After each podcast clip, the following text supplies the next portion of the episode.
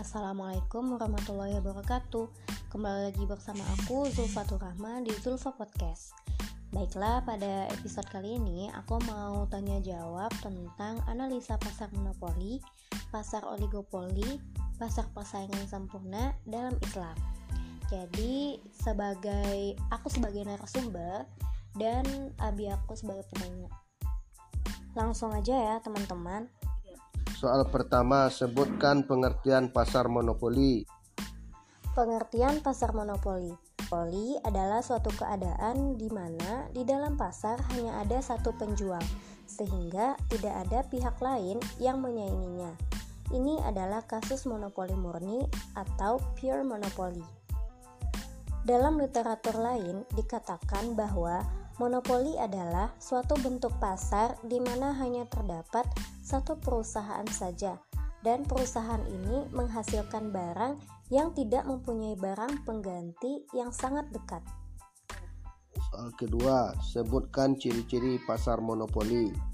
Nah, jadi ciri-ciri pasar monopoli yang pertama, industri satu perusahaan.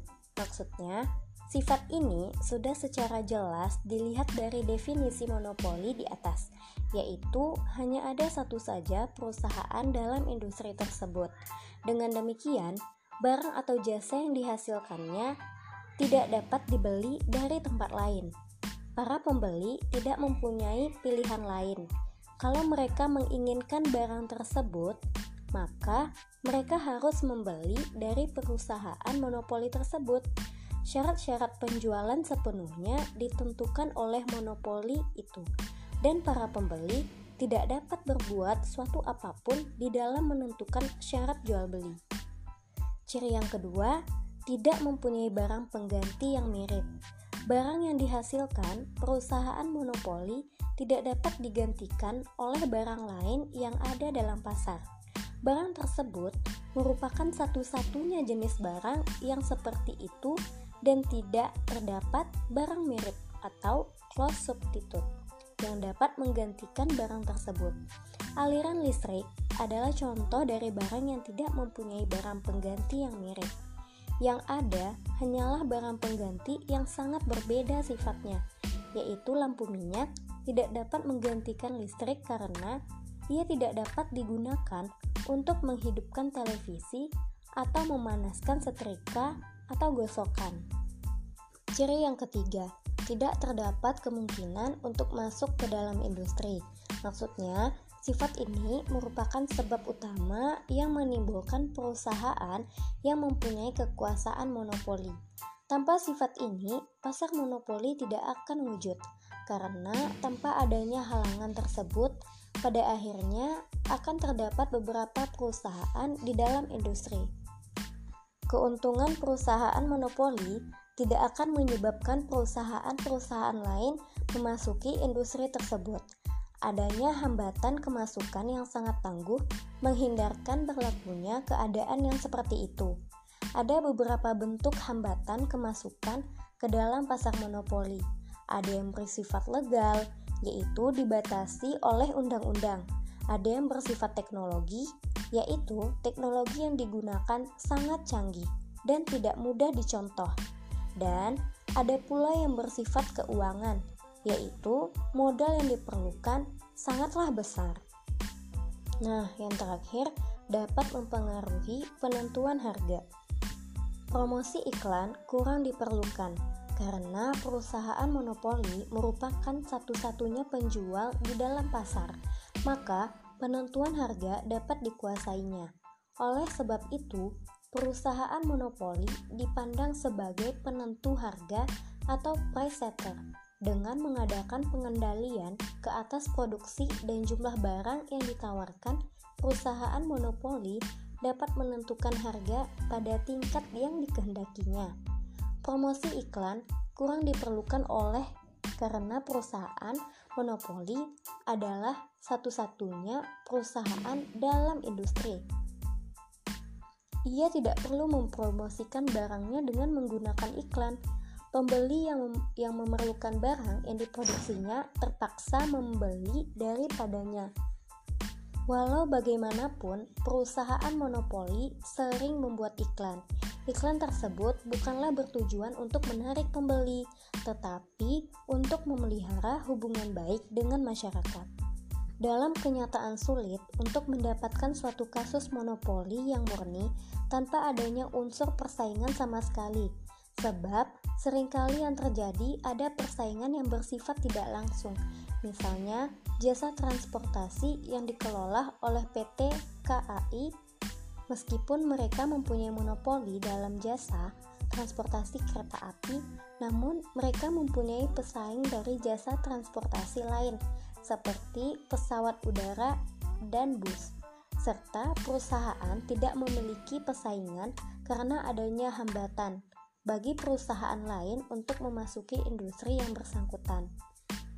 Soal yang ketiga, sebutkan dan jelaskan kebaikan dan keburukan pasar monopoli. Nah, jadi kebaikan dan keburukan pasar monopoli adalah yang pertama, hilang atau berkurangnya tingkat kesejahteraan konsumen. Hal ini terjadi karena volume produksi lebih kecil dari volume output yang optimum. Inefisiensi ini menimbulkan kesejahteraan konsumen yang semakin berkurang. Yang kedua, menimbulkan eksploitasi terhadap konsumen dan pemilik faktor produksi. Konsumen dirugikan karena harga jual di atas harga keseimbangan yang seharusnya terjadi bila berdasarkan mekanisme pasar. Sementara bagi pemilik faktor produksi dirugikan oleh dengan dibayarnya faktor produksi dengan harga yang lebih rendah dari nilai pasar dari nilai output yang dihasilkan. Yang ketiga, memburuknya kondisi makroekonomi nasional. Sebab jumlah output real industri lebih sedikit daripada kemampuan sebenarnya. Karena tidak seluruh faktor produksi terpakai sesuai dengan kapasitas produksi, maka akan menimbulkan pengangguran maupun faktor-faktor produksi yang lain. Selanjutnya, hal ini akan berdampak buruk bagi perekonomian secara keseluruhan.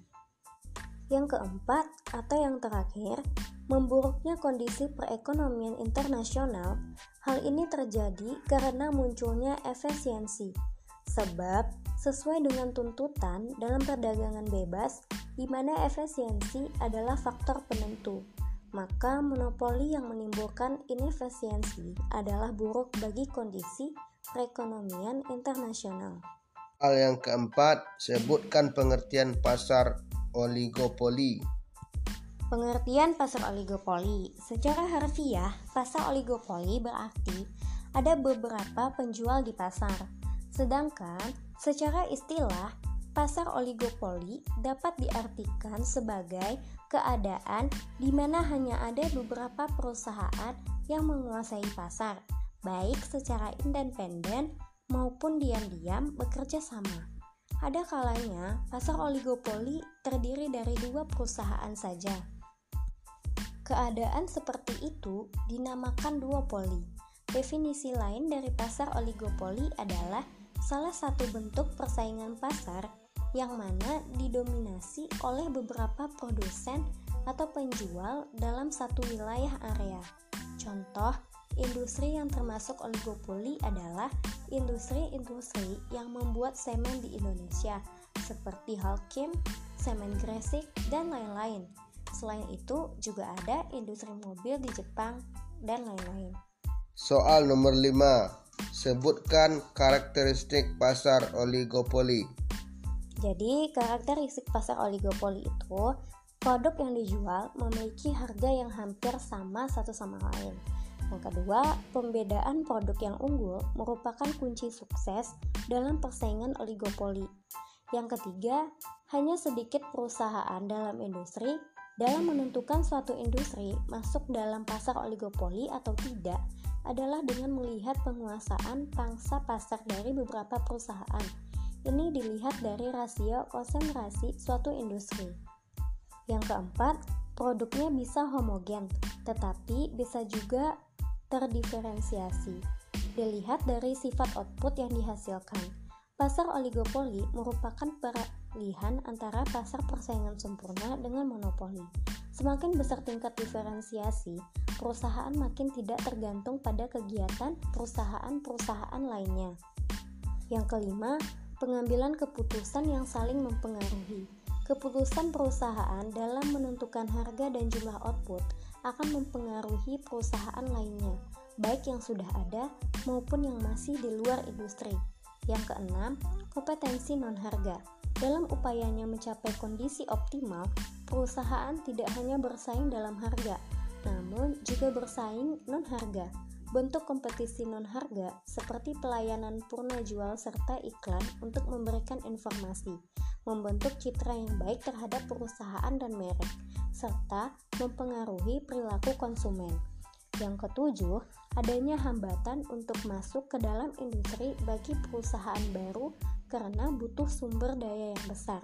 Nah, yang kedelapan, perubahan akan diikuti perusahaan yang lain. Soal nomor 6. Sebutkan pengertian pasar persaingan sempurna serta ciri-ciri pasar persaingan sempurna. Pasar persaingan sempurna merupakan sebuah jenis pasar dengan jumlah penjual dan pembeli yang sangat banyak, serta produk yang dijual bersifat homogen. Harga terbentuk melalui mekanisme pasar dan hasil interaksi antara penawar dan permintaan sehingga penjual dan pembeli di pasar ini tidak dapat mempengaruhi harga dan hanya berperan sebagai penerima harga. Barang dan jasa yang dijual di pasar ini bersifat homogen dan pembeli tidak dapat menawar harga produk yang ditawarkan oleh produsen A, produsen B, atau produsen C oleh karena itu, promosi dengan iklan tidak akan memberikan pengaruh terhadap penjualan produk. Ciri-ciri pasar persaingan sempurna ini, yang pertama terdapat banyak penjual dan pembeli di pasar.